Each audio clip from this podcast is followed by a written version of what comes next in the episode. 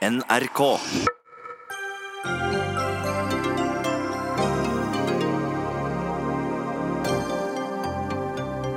Jan Tore Sanner, kunnskaps- og integreringsminister, endrer instruksen, slik at UDI kan trekke tilbake statsborgerskapet til mannen som ble dømt for terrorplanlegging i Italia, samtidig med mulla Krekar.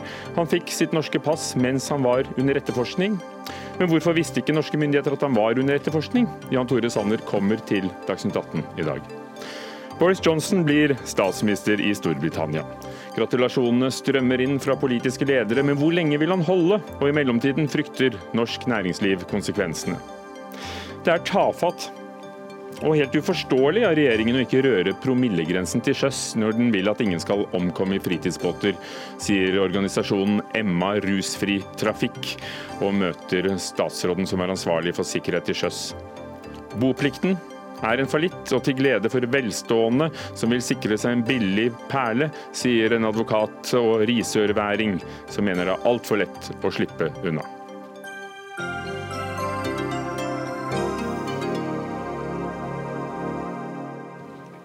Velkommen til Dagsnytt 18 her i NRK P2 og på NRK2 med Ugo Fermariello i studio i dag.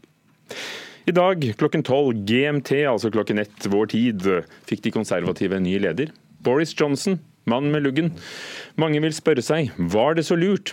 Ja, dette var hans egne ord umiddelbart etter at resultatet var klart.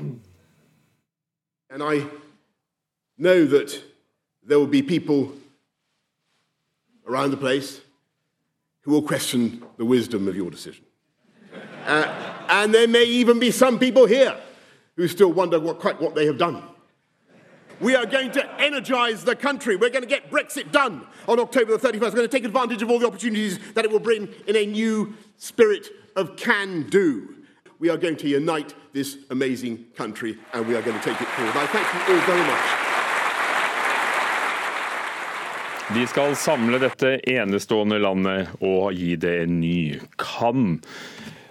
Kan ånd. Og Øyvind Nyborg, vår mann i London, to tredjedels flertall for Boris Johnson blant de ganske mange, 87,4% av partimedlemmene som stemte.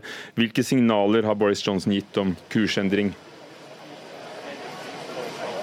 Ja, Det er klart at det som er det mest eh, fremtredende ved mannen som har drømt om å bli ny eh, statsminister i Storbritannia siden han var gutt, og har eh, Winston Churchill som en av sine store forbilder, det er jo selvfølgelig brexit-saken. og Han har da helt klart hatt størst troverdighet i den saken. Han lover at britene skal være ute innen fristen halloween 31.10, koste hva det koste vil, med eller uten noen avtale. Du står der på College Green utenfor parlamentet i, i, London. Kan du si litt om reaksjonene i Storbritannia og oppmerksomheten rundt valget av de konservatives leder? Ja, Det mest fremtredende er jo selvfølgelig at framtredende medlemmer av det konservative partiet, inkludert da nåværende finansminister Philip Hammond, går av, av, fra regjeringen i protest mot at Boris Johnson har blitt valgt til leder for partiet og da blir neste statsminister. og Det er jo fordi at de frykter, eller de sier at de kan ikke stille seg bak en regjering som sier at det er helt greit å gå ut av EU uten noen avtale med de økonomiske negative følgene det vil få. Så er det litt rundt omkring. Skottene er jo misfornøyde med dette, fordi de mener at dette også øker sjansen for at britene går ut av EU uten noen avtale. og Dermed så øker også sjansene for at f.eks. det kommer til en ny folkeavstemning om å løsrive seg fra resten av Storbritannia der oppe. Og så er man litt avventende i Nord-Irland. Nord-Irland er jo, og også for så vidt Irland, der er man jo veldig spente på hva som kommer til å skje med den mye omtalte garantiordningen for handelen på, på grensen der mellom det som da er Storbritannia og det som er EU. Stå deg litt til, er du snill, blant alle journalistheltene og folk som rapporterer i alle kanaler. Vi har med oss også deg, Øyvind Brattberg, førstelektor i statsvitenskap ved Universitetet i Oslo, som følger med på alt britisk. Jeg vil holde landet samlet, dette enestående landet, sa Boris Johnson. Og så hørte vi da vår korrespondent snakke om stemningen i Skottland, i Irland. Er det den britiske unionen som står på spill? Det og mye annet tror jeg man kan si står på spill. det meste står realiteten på, på spill. og det kan, man, det kan, man, på en sånn dag skjule bak en, en fasade av komiske vendinger, humor og, og, det å slå seg på en smule på brystet. Men, men bakenfor alt dette så ligger det svære, uløste spørsmål som kommer til å volde Boris Johnson svært mye hodebry i de tre månedene han har foran seg. Hvilken legitimitet har han i befolkningen? Altså, dette er en samling av ikke engang 200 000 medlemmer av partiet som har stemt ham frem. Eh, de konservative gjorde et elendig kommunevalg sist. Det ligger jo i parlamentariske spilleregler at et regjeringsparti kan, eh, kan skifte statsminister uten at det nødvendigvis må må eh, skrives ut noe nytt valg for å få bekreftet hans eller hennes mandat. og Det er jo det som nå eh, er i ferd med å finne sted. Men det er klart at i en så dyp og uforsonlig konflikt eh, som brexit er, og i en så forvirrende, kaotisk prosess som det er, så kunne man jo ønske å, å involvere enda flere i hvem som skal lede landet, eller hvem som skal bli den nye statsministeren, enn de konservative partimedlemmene som ikke representerer noe tverrsnitt eller noe nære tverrsnitt av, eh, av britiske velgere. Men det er noen gang slik spillereglene eh, er. Og så er spørsmålet hvordan Boris Johnson kan vie ut sitt eh, perspektiv fra det å snakke med denne medlemsmassen og vinne deres gunst, til det å vinne folkets gunst. og de ulike delene av Storbritannias gunst. og det, det, kommer han til å trenge, i hvert fall et godt stykke på, på vei. Øyvind Nyborg i London, Labour-leder Jeremy Corbyn er ute og sier at han representerer slett ikke engang sine egne velgere, ehm, og sier at det snart må utlyses nyvalg. Hvilke reaksjoner kommer fra opposisjonen? Ja, altså Hvis man holder eh, Corbyn og opposisjonen litt eh, unna, så er det jo en eh, litt interessant teori nettopp dette at altså, man kan komme til, Boris Johnson kan komme til å få en veldig kort periode i stolen. For det første så sier han jo altså dersom han, I og med at han har lovet at britene skal ut 31.10, så er det jo slik at han kan ryke på et mistillitsforslag hvis han ikke klarer det. Og det andre er hvis han trekker Storbritannia ut av EU uten noen avtale, så risikerer han også å bli kastet og et eh, mistillitsforslag. og Dermed åpner han opp for et eh, nyvalg. Men det er også de her i Storbritannia som mener at eh, Boris Johnson også har en plan om å nærmest provosere fram et nyvalg, fordi dersom han gjennom et eh, nyvalg klarer å nærmest utradere de EU-vennlige parlamentsmedlemmene i eget parti, og også da klare å holde brexit-partiet og også liberaldemokratene ut på sidelinjen, så vil han kanskje kunne komme til å komme styrket ut av det. Og det er mange her som mener at det er bare måneder til det blir et nyvalg. Øyvind Brattberg, hvor lenge holder han, tror du? Det er et av de spørsmålene som eh, britiske bookmakere nå tar inn gode penger på, vil jeg tro. For det, er, eh, det, det kan være alt fra at skuta går på grunn underveis eh, på vei mot 31.10, eller det kan bli et, et, langt og lykkelig liv som statsminister. Men skal det siste skje, så fordrer det at han klarer å løse vår tids store spørsmål, nemlig brexit. Tore Myhre, internasjonal direktør i næringslivets hovedorganisasjon NHO. Gleder dere eller gruer dere, eh, dere til den nye regjeringen trer i kraft, eh, dere i NHO?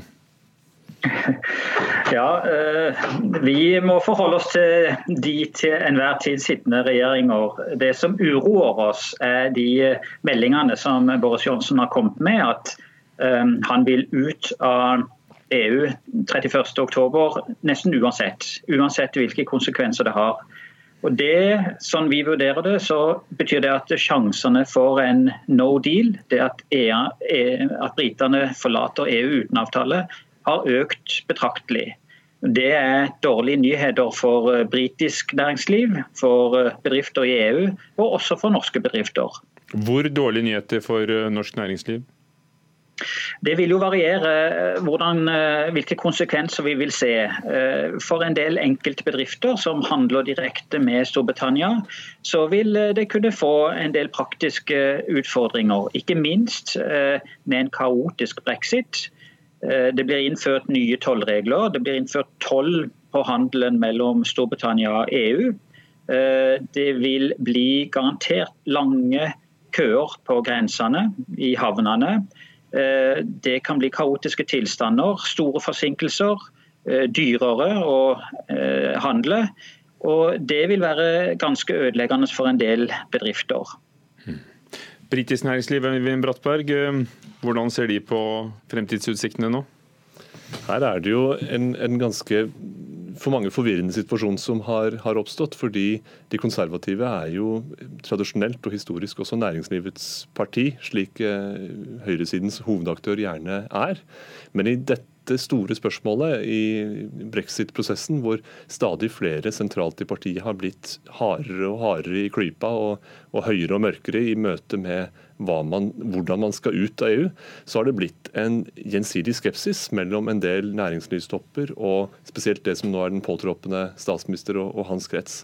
Så Boris Johnson må også vinne denne gruppens tillit eller tro på at det er klokt å sette hardt mot hardt i den form han nå forsøker overfor Brussel.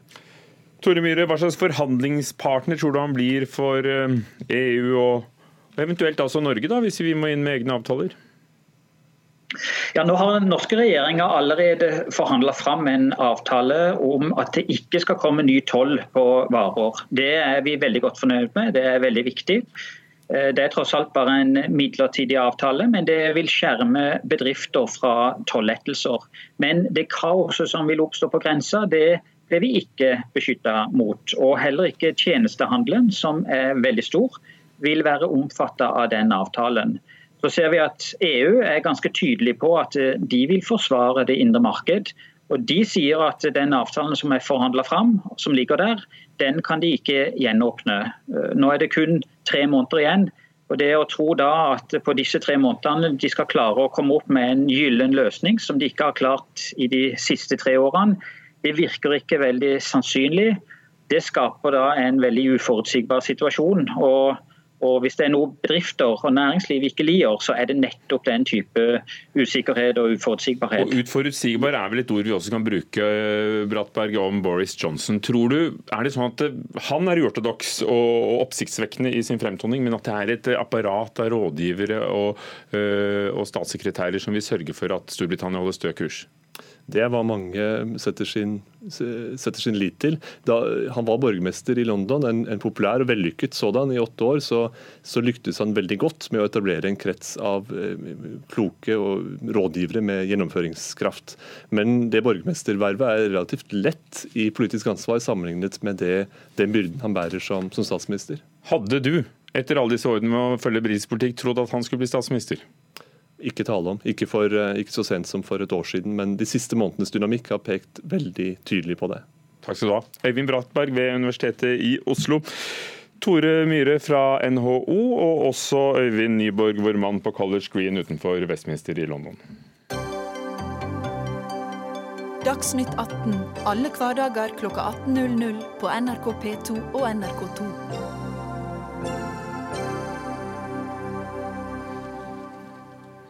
Det er tafatt av regjeringen å ikke røre promillegrensen til sjøs, når den har forpliktet seg til null dødsulykker. Det sa organisasjonen Emma rusfri trafikk.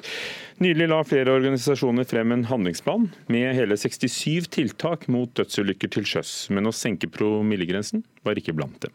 I dag går det nemlig an å seile av gårde sånn ganske påseilet i hvert fall, eh, med en promille opp til 0,8 hvis båten er kortere enn 15 meter.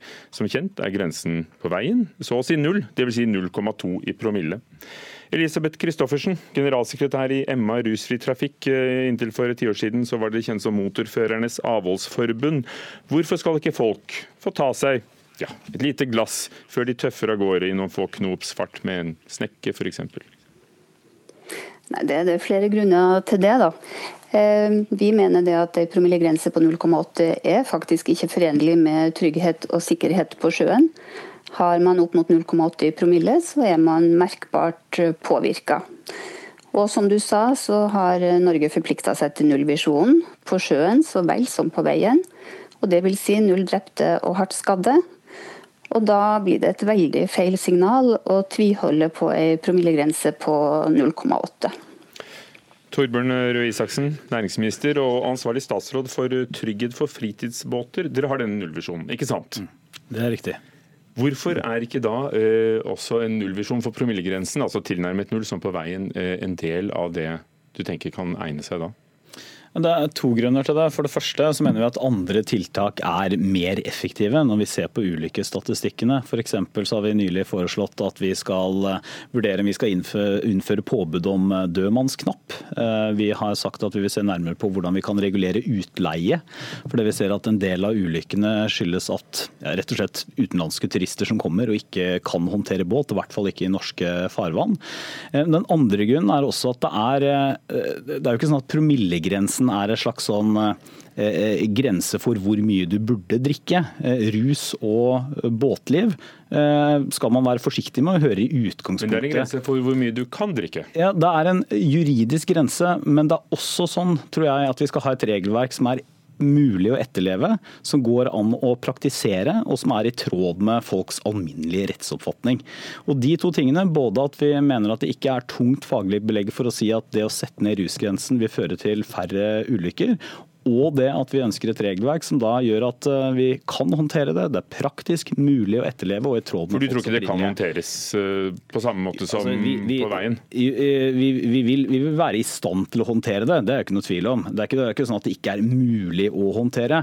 Men poenget når jeg sier praktisk å uh, etterleve og i tråd med da, folks alminnelige, rettsoppfatning, så handler det litt om hvordan hvordan, hvordan, vi, er på sjøen. De fleste oppfører seg bra, de fleste bruker sunn fornuft, og de fleste enkelte er måteholdende eller avholdende når det gjelder alkohol. Elisabeth Christoffersen, det handler om holdninger, og, og det er jo ikke det at man skal kjøre uvettig, selv om det går an teknisk sett og juridisk sett å ha denne promillegrensen?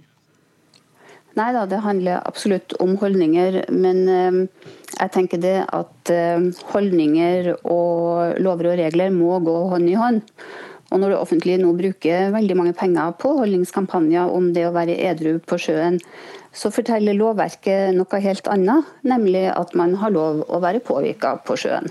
Før vi går videre i, i, debatten der, Jørg Mørland, professor ved Institutt for klinisk medisin ved Universitetet i Oslo og toksikolog ved Folkehelseinstituttet, og, og eier av en 23 fots båt. Hvor mye går det an å drikke og, og fortsatt holde seg under 0,8 promille? Eh, man kan vel drikke eh, opp til av størrelsesorden tre halvliter eh, pils for en mann som har en viss størrelse, og da er man på grensen. Men hva gjør det med dømmekraften? Og reaksjonsevnen? Det som er det interessante, er jo at det er veldig mange studier etter hvert som har sett på hva som skjer med promiller opp til 0,8. Og det er mange av hjernens funksjoner som affiseres i ganske betydelig grad. F.eks. dette med å ha sin kritiske sans, ikke være for impulsiv, ha en rimelig feilkontroll, kontroll over det du gjør. Og så er det dette med reaksjonstid og tenkeevne. da. Alt dette affiseres i stigende grad fra 0,2 oppover til 0,8 promille. Så som kaptein, er det sånn at du, ja, du, du, du tillater deg å ta tre halvliter møll? Nei, jeg er, eh, For å være på den sikre siden, så drikker jeg ikke noe alkohol før jeg skal kjøre båt. Torbjørn Røe Isaksen, du sier det, det handler om, om holdninger og, og, allmenn rettsfølelse. Men det var jo en tid i, i flere tiår da vi var vant til at det gikk an å ta en kjørepils eller et glass vin og fortsatt kjøre bil. Det var en holdning som ble endret. Ja, vi satt og røkte ja, jeg tror, jeg tror, på kontoret. Ja, altså det er masse holdninger som er endret, som det er fornuftig å endre på også. Men det er også sånn at når du ser på ulykkesstatistikken, altså ikke bare på folks alminnelige rettsfølelse, altså med andre ord, hva er det folk oppfatter som rimelig og ja, ikke ja, rimelig. Her, minst syv mennesker som døde i ulykker men, men, i 2018 var påvirket av rus. Ja, men hvis du ser på ulykkestallene, bare for å gå gjennom det, så i 2018 så var det 23 personer som omkom. Det er 23 for mange, men allikevel det laveste som er målt, og en klar nedgang. Eh, det var åtte av 21 forulykkede som var ruspåvirket. Eh, så det er altså ikke sånn at eh, hvis vi gjør hele diskusjonen om sikkerhet for fritidsbåter om til en diskusjon om promillegrensen, så klarer vi å adressere de viktigste problemene. De viktigste problemene som vi har sett det, det er noe med holdninger, men også noe med fart. Eh, at folk kjører uvettig, særlig når det er mørkt eller, eller med veldig raske båter. Jeg mener Det er der de viktigste tiltakene kan, kan settes inn, og bør settes inn. Elisabeth Christoffersen, hva har du å si til det? Jo, altså det, Der kan man jo trekke paralleller til vei. Det, det er jo også høy fart eh, som fører til de alvorlige ulykkene. Men den høye farta er jo ofte betinga av eh, høy promille. Og jeg vil anta at det samme kan gjelde i veldig stor grad på sjøen.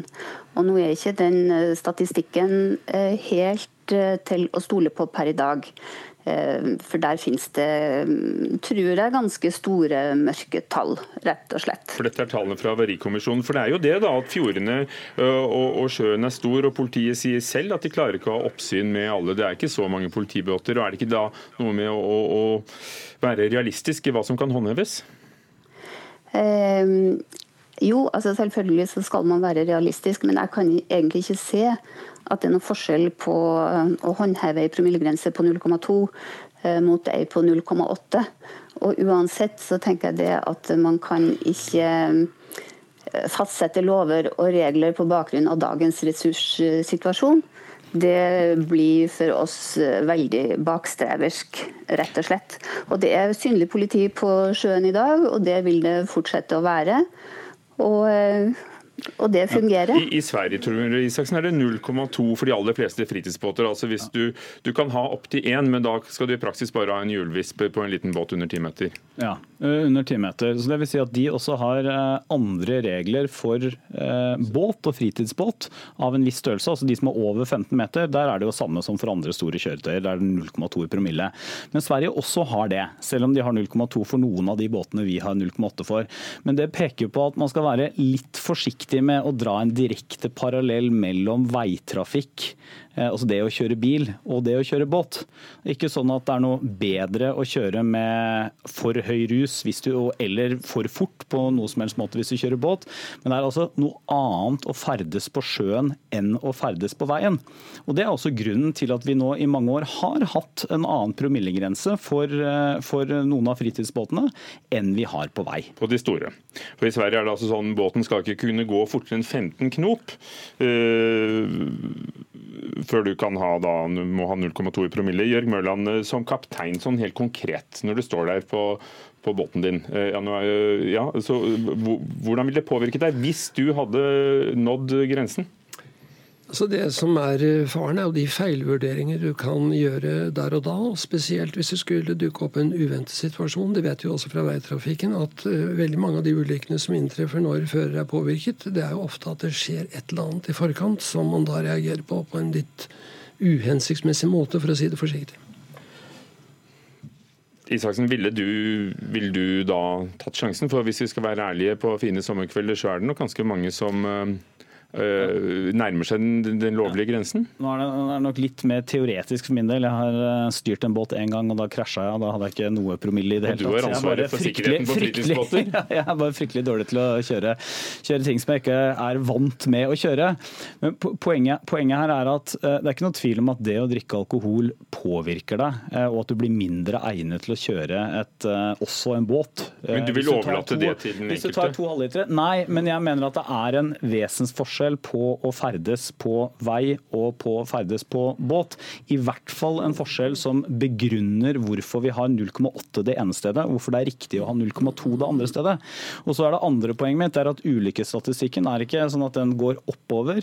I 2018 så gikk den ned. Det var det laveste antallet registrerte ulykker som har blitt målt. Og punkt tre så mener jeg også at når vi ikke da vet at dette vil være et veldig effektivt og virksomt virkemiddel som vil være enkelt å håndheve, og det heller ikke vil være i tråd med da Men Hva er du redd det ville føre til hvis dere satte 0,2? Altså, jeg, jeg, det, det, jeg er redd for, for å være helt ærlig, altså, jeg tror ikke det vil være noe, noe, stor tragedie eller noe sånt. Men jeg mener at det vil kanskje gjøre rett og slett at, at vi tar vekk litt av, den, litt av den frihetsfølelsen som folk har når de kan være på sjøen, og at vi begynner å regulere det på akkurat samme måte som vei, som jeg mener er to forskjellige ting. Det betyr ikke at vi skal frislippe på sjøen, eller at det å kjøre ruspåvirket tilstand som Elisabeth Kristoffersen. er forsvarlig, men det er to forskjellige ting. Altså. altså sjøen, for det første, sjøen er ingen frisone. Sjøen er en fantastisk uh, arena for uh, friluftsliv og kos. Og da skal det være trygt å ferdes der. Og det skal være like trygt for en som padler kajakk, en som er i snekke, en som er i robåt, en passasjer på en hurtiggående båt Og Du sa jo sjøl at du kjørte kolliderte da du skulle kjøre båt. Det er ikke enkelt å, kjøre båt. Så var verre enn som så. Det er tror jeg, 20 så, år så siden. at det skal være så kjempestor forskjell på, på, fra vei til sjø, det, det har jeg veldig vondt for å forstå. Sjøen skal være et trygt og, en trygg og god friluftsarena for alle.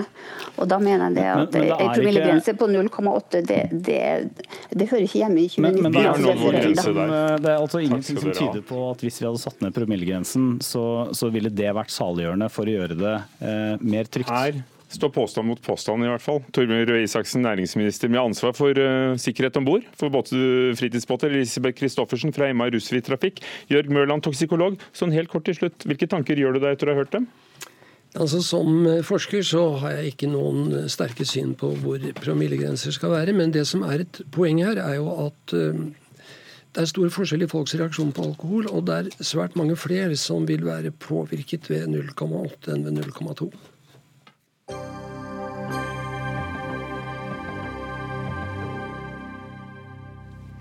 Norge er det landet med lavest andel privat finansiering av høyere utdanningsinstitusjoner. Bare 0,2% av inntektene til universiteter og høyskoler kom fra gavmilde private og, firmaer i 2015. Dette er tall fra en fersk OECD-rapport. Nå ønsker forsknings- og høyere utdanningsminister Iselin Nybø fra Venstre at flere private åpner gavesekken og lommebøkene for å sikre flere kroner til utdanningsinstitusjonene her til lands. Iselin Nybø, forsknings- og utdanningsminister, hvorfor ønsker du deg mer? Altså, Vi har godt eh, offentlig finansierte universiteter og høyskoler i dette landet, og det skal vi fortsatt ha. Eh, samtidig så, så, ser vi jo at vi ligger på bånn i denne OECD-rapporten over private gaver. og Da tenker jeg at her er det en mulighet eh, for å gjerne oppfordre flere til å, å gi gaver til universitetene og høyskolene. Men hvorfor skulle de gi? Nei, hva, altså- skal, hva er det der for dem? Når, eh, når selskapet Smevig i Stavanger eh, ble 100 år, så bestemte de seg for å gi en jubileumsgave. Det de gjorde, det var at de bygde et hotell på campus på Universitetet i Stavanger. Og så er det Universitetet i Stavanger som får overskuddet fra driften. Og eh, det er ingen eh, bindinger ved de pengene, utenom at de skal brukes til forskning og ikke til drift av universitetet. Jeg synes det er et eh, et eh, eksempel til etterfølgelse for alle bedrifter og privatpersoner som har eh, penger til overs.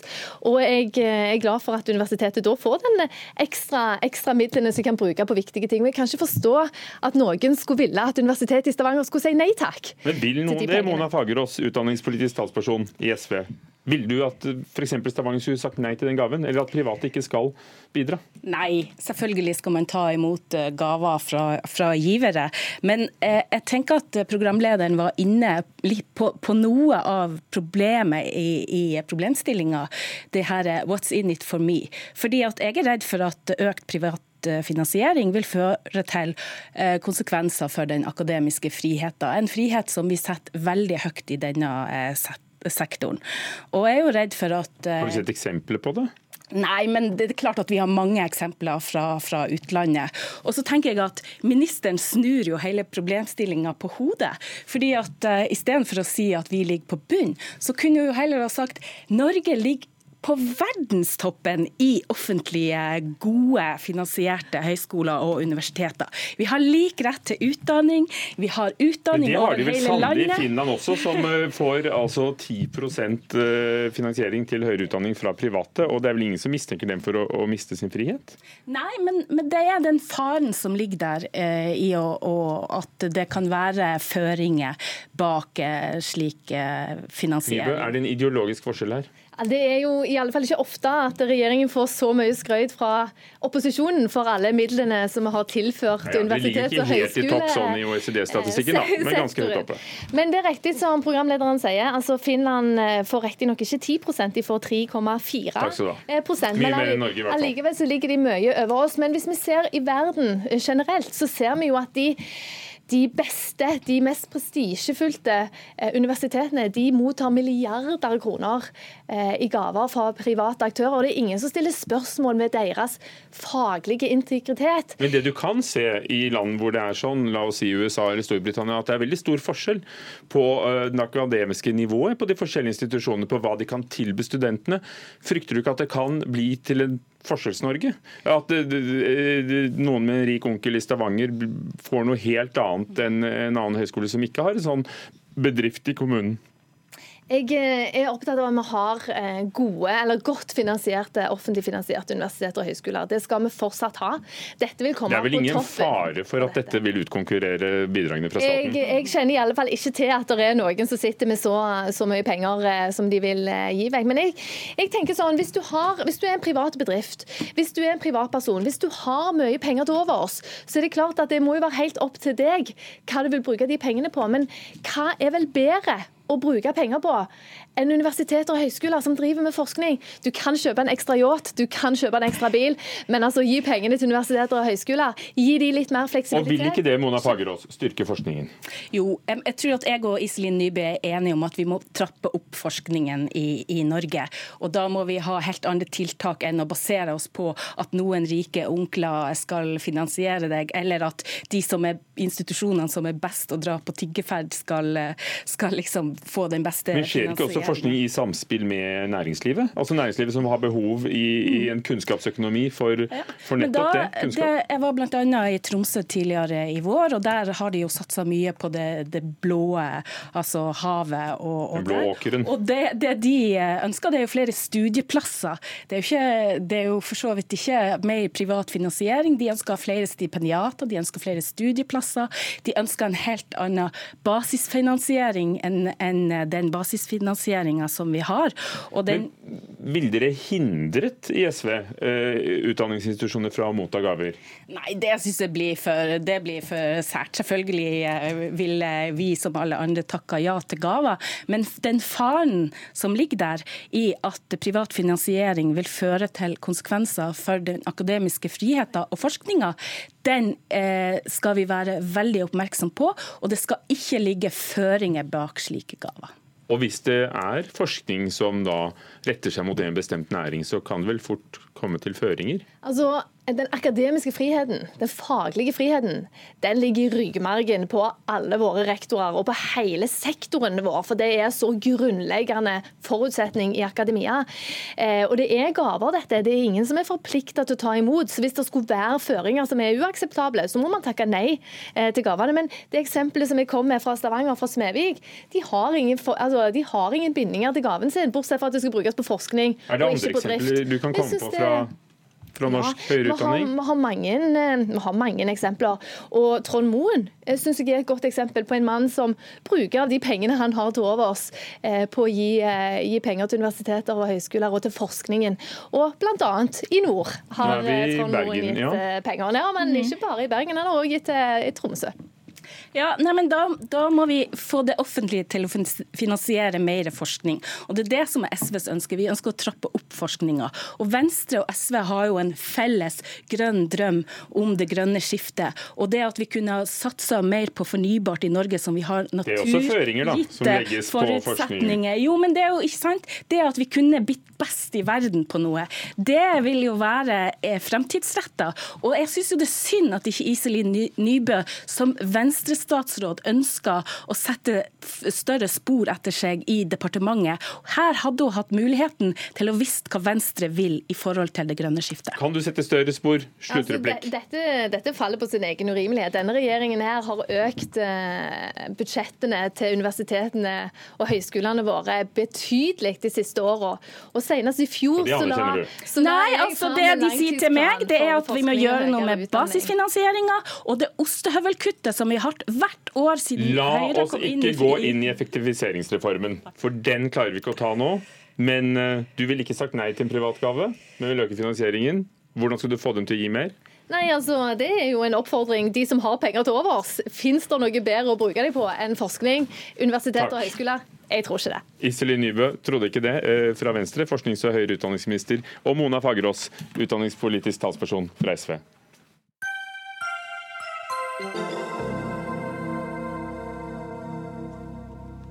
Kunnskaps- og integreringsminister Jan Tore Sanner endrer nå instruksen til UDI, Utlendingsdirektoratet, slik at de kan trekke tilbake statsborgerskapet til en av de medtiltalte til mulla Krekar.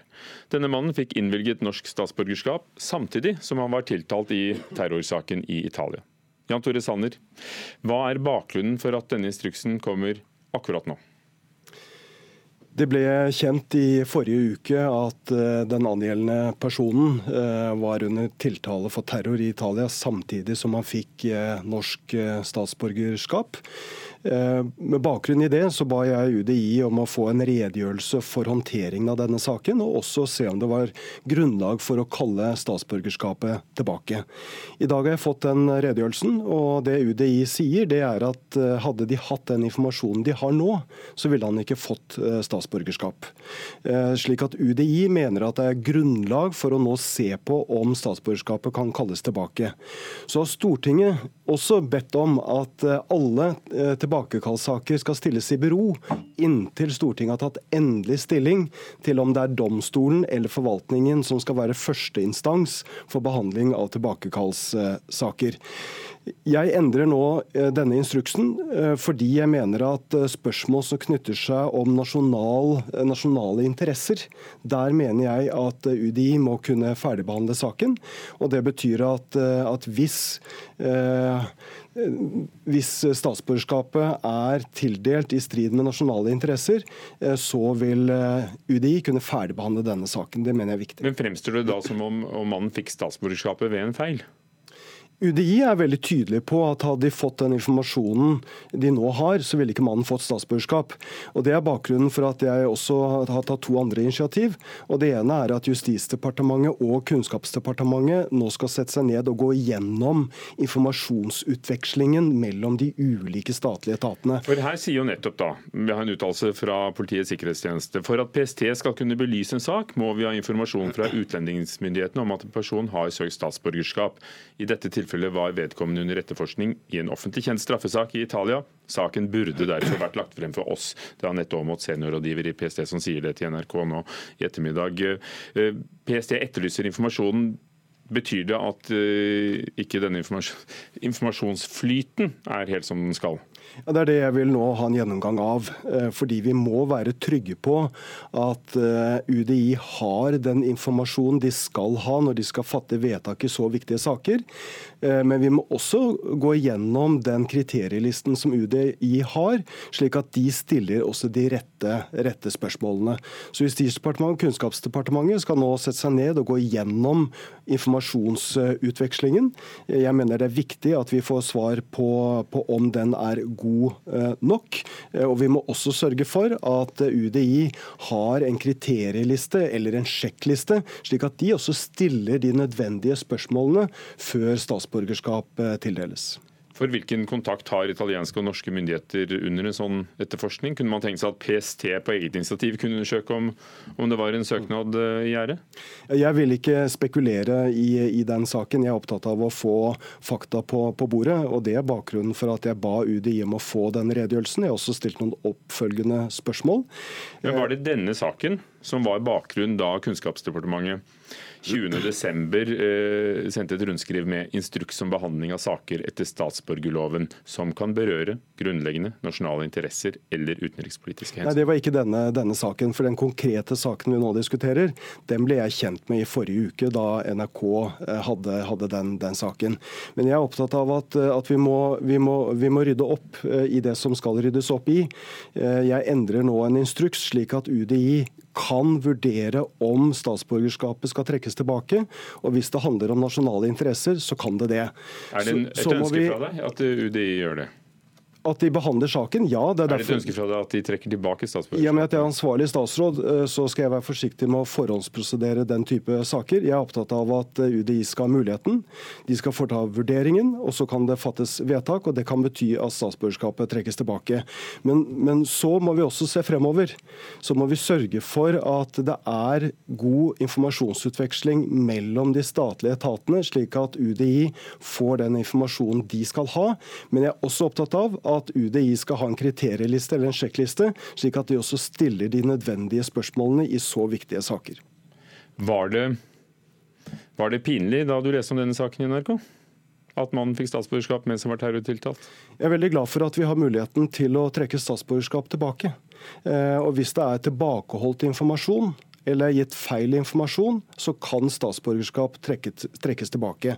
Men hvis han ikke selv var klar over at han var eh, under etterforskning i et annet land, skal mannen miste statsborgerskapet pga. at offentlige etater ikke klarer å samordne informasjon? Nei, eh, Det er all mulig grunn til å tro at uh, denne mannen var kjent med at han var under, under tiltale.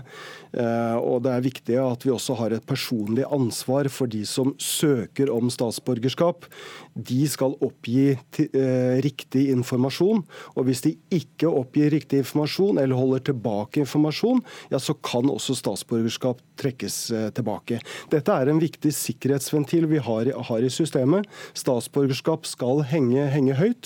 Og Hvis det oppdages i ettertid at det er begått feil, så har vi også muligheten til å trekke det tilbake. Men der skal alle rettsstatens prinsipper også behandles på en god måte. Kan det tenkes at han hadde såpass tiltro til det norske systemet at han trodde at myndighetene visste dette? En offisiell etterforskning? Eh, jeg vil eh, ikke spekulere i den saken, utover å, å, stille de spørsmålene jeg har gjort. Jeg er opptatt av at vi skal ha fakta på bordet, vi skal gå skikkelig gjennom det. Vi må sørge for at, eh, at UDI, som skal fatte den type vedtak, at de har den informasjonen de skal ha. Så vurderingene dere gjør nå, og saksbehandlingen her, når, når tror du det er gjort? Jeg er opptatt av at, eh, at, eh, Justisdepartementet og Kunnskapsdepartementet kommer raskt i gang. Eh, og det kommer de til å gjøre for å, for å se på informasjonsutvekslingen i denne saken. De får følge med. Og så må vi se fremover og sørge for at, at vi tetter de hullene som eventuelt måtte være. Takk skal du ha. Jeg fikk ikke noe dato ut av det, altså. Jan Tore Sanner, kunnskaps- og integreringsminister. Hør Dagsnytt 18 når du vil. Radio NRK NO.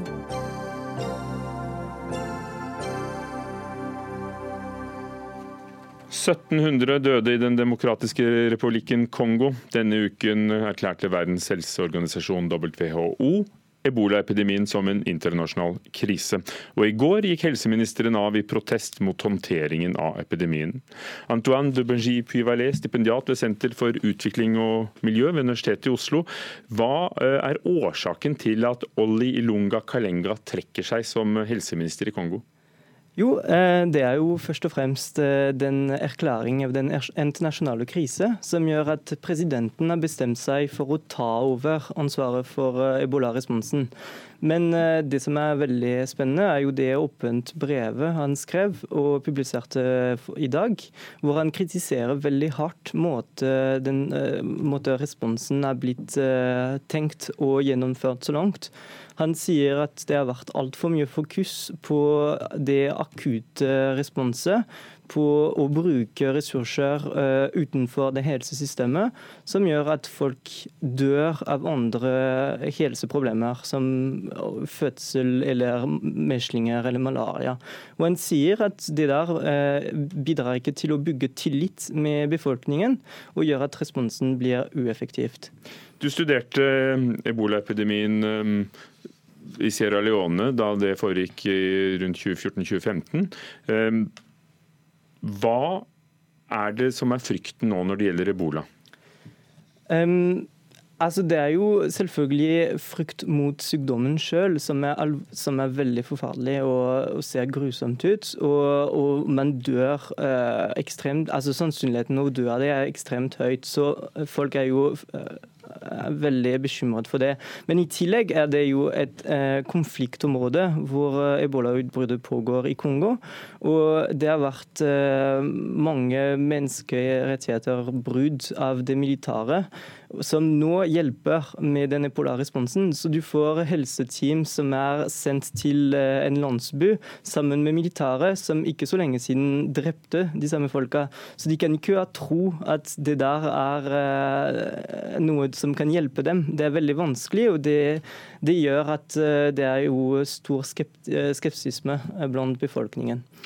Preben Aavitsland, lege, du sitter også i komiteen i Verdens helseorganisasjon som representant for Folkehelseinstituttet. Eh, var det riktig å erklære dette som en internasjonal krise? Helseministeren selv mener at det ikke hjelper? Ja, Det, det er iallfall klart at en sånn erklæring er ikke noe tryllestav. Det er ikke mye som kommer til å endre seg automatisk på bakken i, i Kongo av en sånn erklæring. Det viktigste uh, som trengs nå, er jo at uh, Verdens helseorganisasjon uh, får de ressursene de trenger, får de midlene de trenger for å kunne samarbeide med Kongos myndigheter om å, å gjøre dette uhyre vanskelige arbeidet med å stoppe denne epidemien.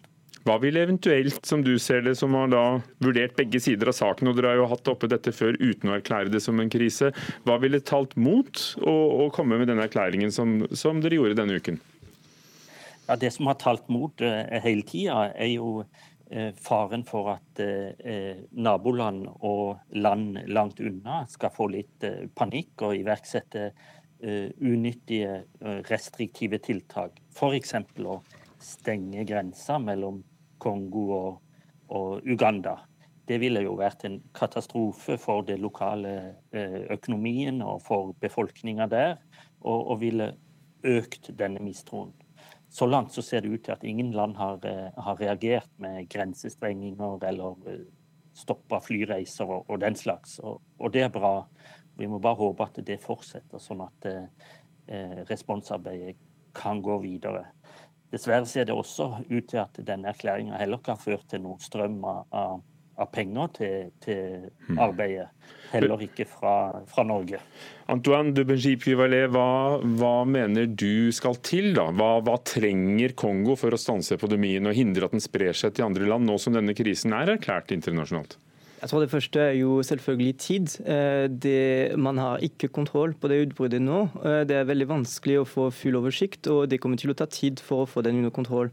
Og Det andre er selvfølgelig penger. Eh, det blir nevnt. Verdens helseorganisasjon sliter med å få penger inn.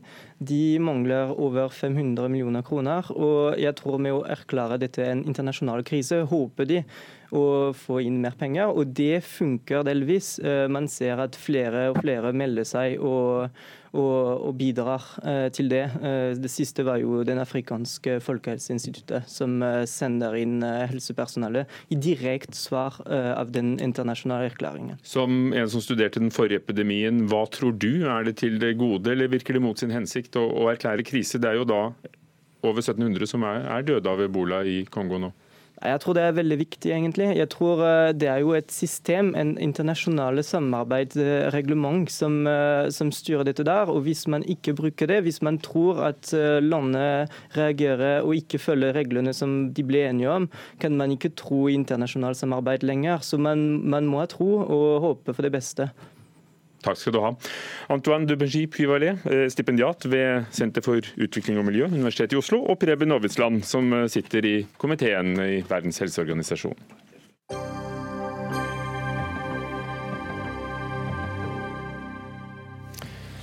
Siden 1974 har det vært opp til lokalpolitikere å bestemme om det skal være en betingelse at du bosetter deg i en kommune for å få kjøpe visse, og da gjerne veldig attraktive boliger.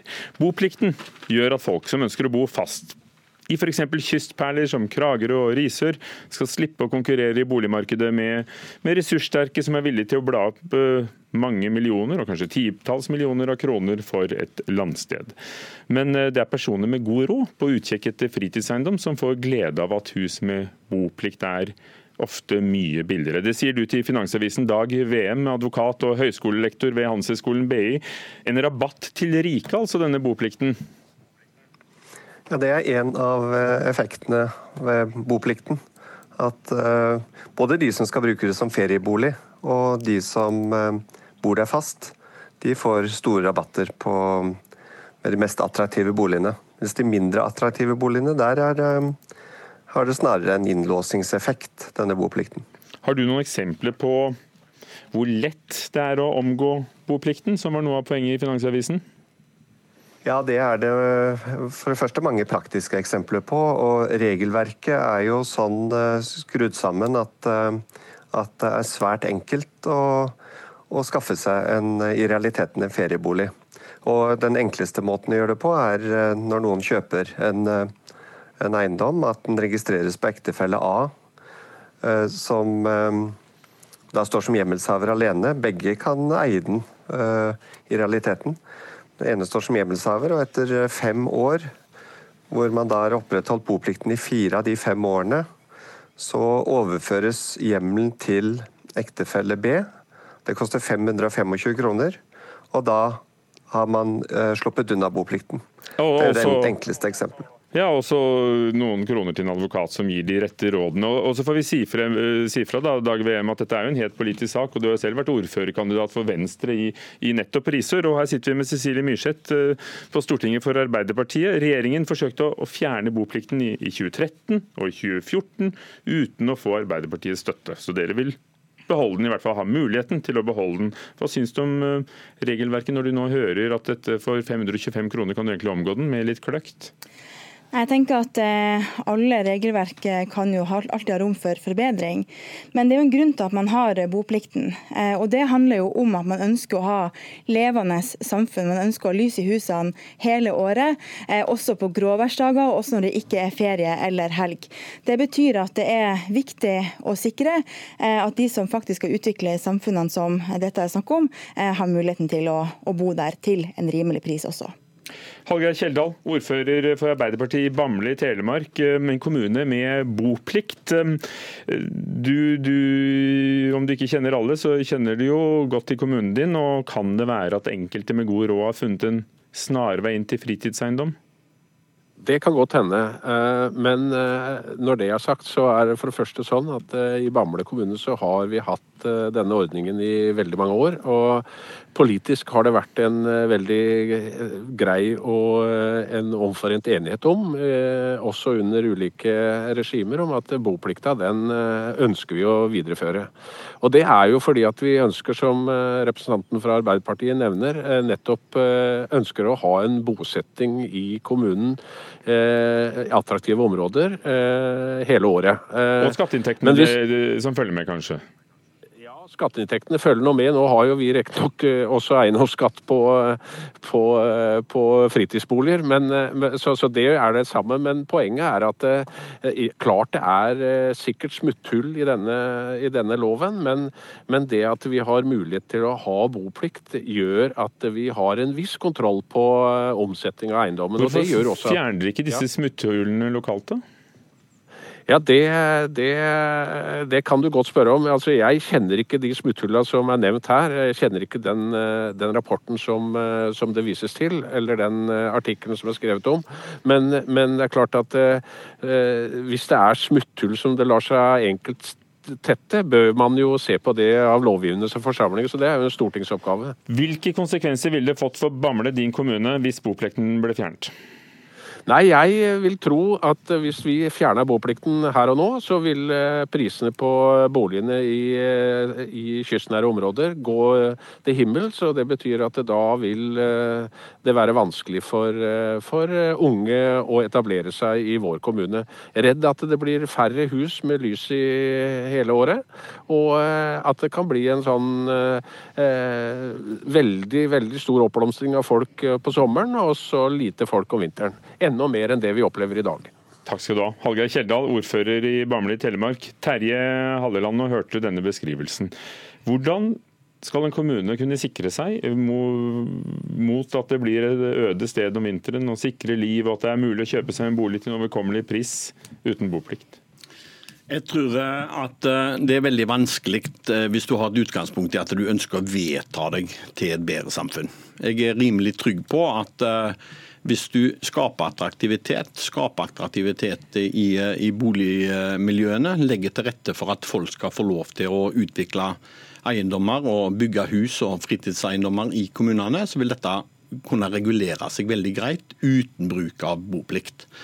At en går inn og er så inngripen i eiendomsretten at en reduserer egen råderett over egen eiendom, er noe som Fremskrittspartiet prinsipielt er veldig imot. Ja, Cecilie Myrseth, Det finnes jo perler av noen byer og kommuner som ikke har boplikt, med, med folk som bor der hele året, og folk klarer å kjøpe seg et hus? Absolutt, eh, men derfor er det jo bra at eh, dette får muligheten til å bestemmes lokalt.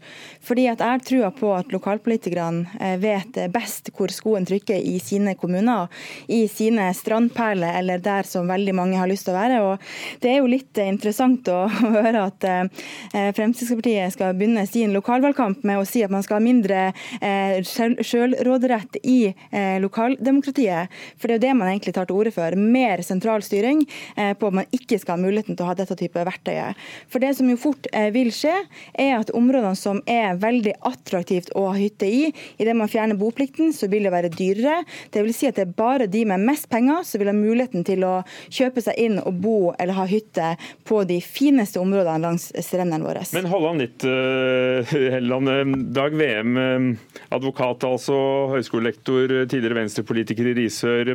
Sier ikke du egentlig at det alltid er mulig å sikre seg en fritidseiendom også der det er boplikt, hvis du bare har, eh, har ressursene i orden?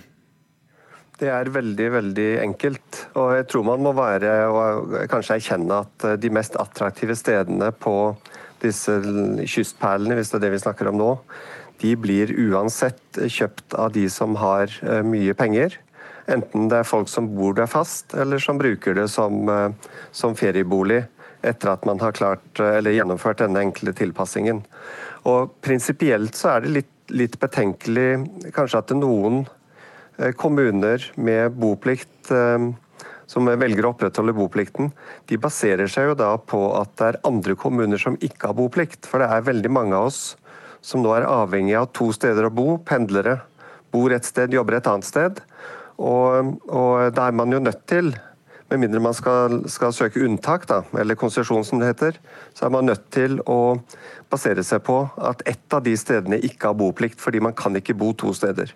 Terje Halland, eh, i Arendal ble boplikten opphevet i 2014, fem år siden. Boligprisene har steget med 10% i kystsonen der. Eh, hvor stor effekt eh, tenker du at boplikten har på, på boligprisene?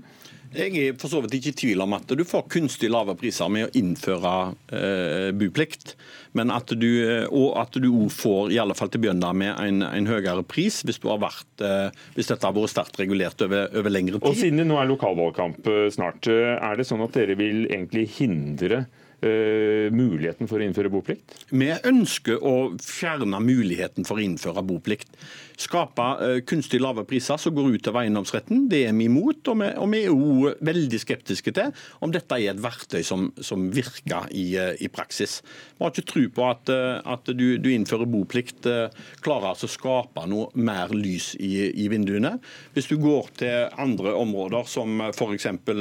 kjente kommuner som driver med, med fritidseiendom, som Geilo og, og, og, Trysil, så vil ikke jeg si at de sliter med, med bebyggerne i kommunen, de som bor der fast, pga. at eh, ja, de har stort gjennomtrekk av midlertidige eh, eh, som, som, har fritidseiendommer i kommunen, men som, som, da skaper og er med på å realisere verdier som resten av de fastboende kan ta, ta nytte av resten av året. Men det er jo også fordi man gjør lokale vurderinger i de ulike kommunene.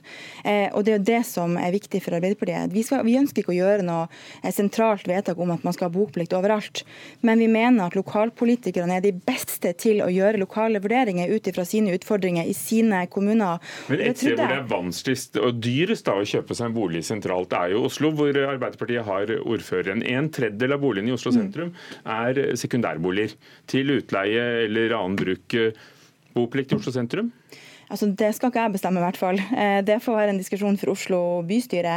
Men jeg mener jo at man er nødt til å gjøre mange tiltak når det kommer til eh, boligpolitikk generelt. For så trenger man jo også flere utleieboliger. Eh, det er jo noe som kommuner kan ta, ta, ta, stilling til, men det er jo en helt annen debatt. Men når jeg får mulighet helt til slutt, om ikke Frp og Terje Halland har lyst til å lytte, lytte til meg, så kan han jo lytte til sin egen ordfører i Hvaler. Han har vært veldig tydelig på viktigheten av boplikt fordi at det blir Men sentralt mener dere noe sånt sentralt? Ta. I Arbeiderpartiet mener dere noe sånn sentralt som boplikt? Ja, vi mener, at, vi mener at kommunene skal ha muligheten til å eh, bruke bo, boplikt som et verktøy. For Fremskrittspartiet er det mye viktigere at vi skaper attraktive kommuner. Dere får ta det i valgkampen, tror jeg. Restriksjoner, sånn som Takk skal dere ha. Terje Halleland fra Frp, Cecilie Myrseth fra Arbeiderpartiet, advokat eh, Dag VM. Dag Dørum var ansvarlig for Dagsnytt 18, Frode Thorseth teknisk ansvarlig. Hugo Fermarello, programleder. Ha det.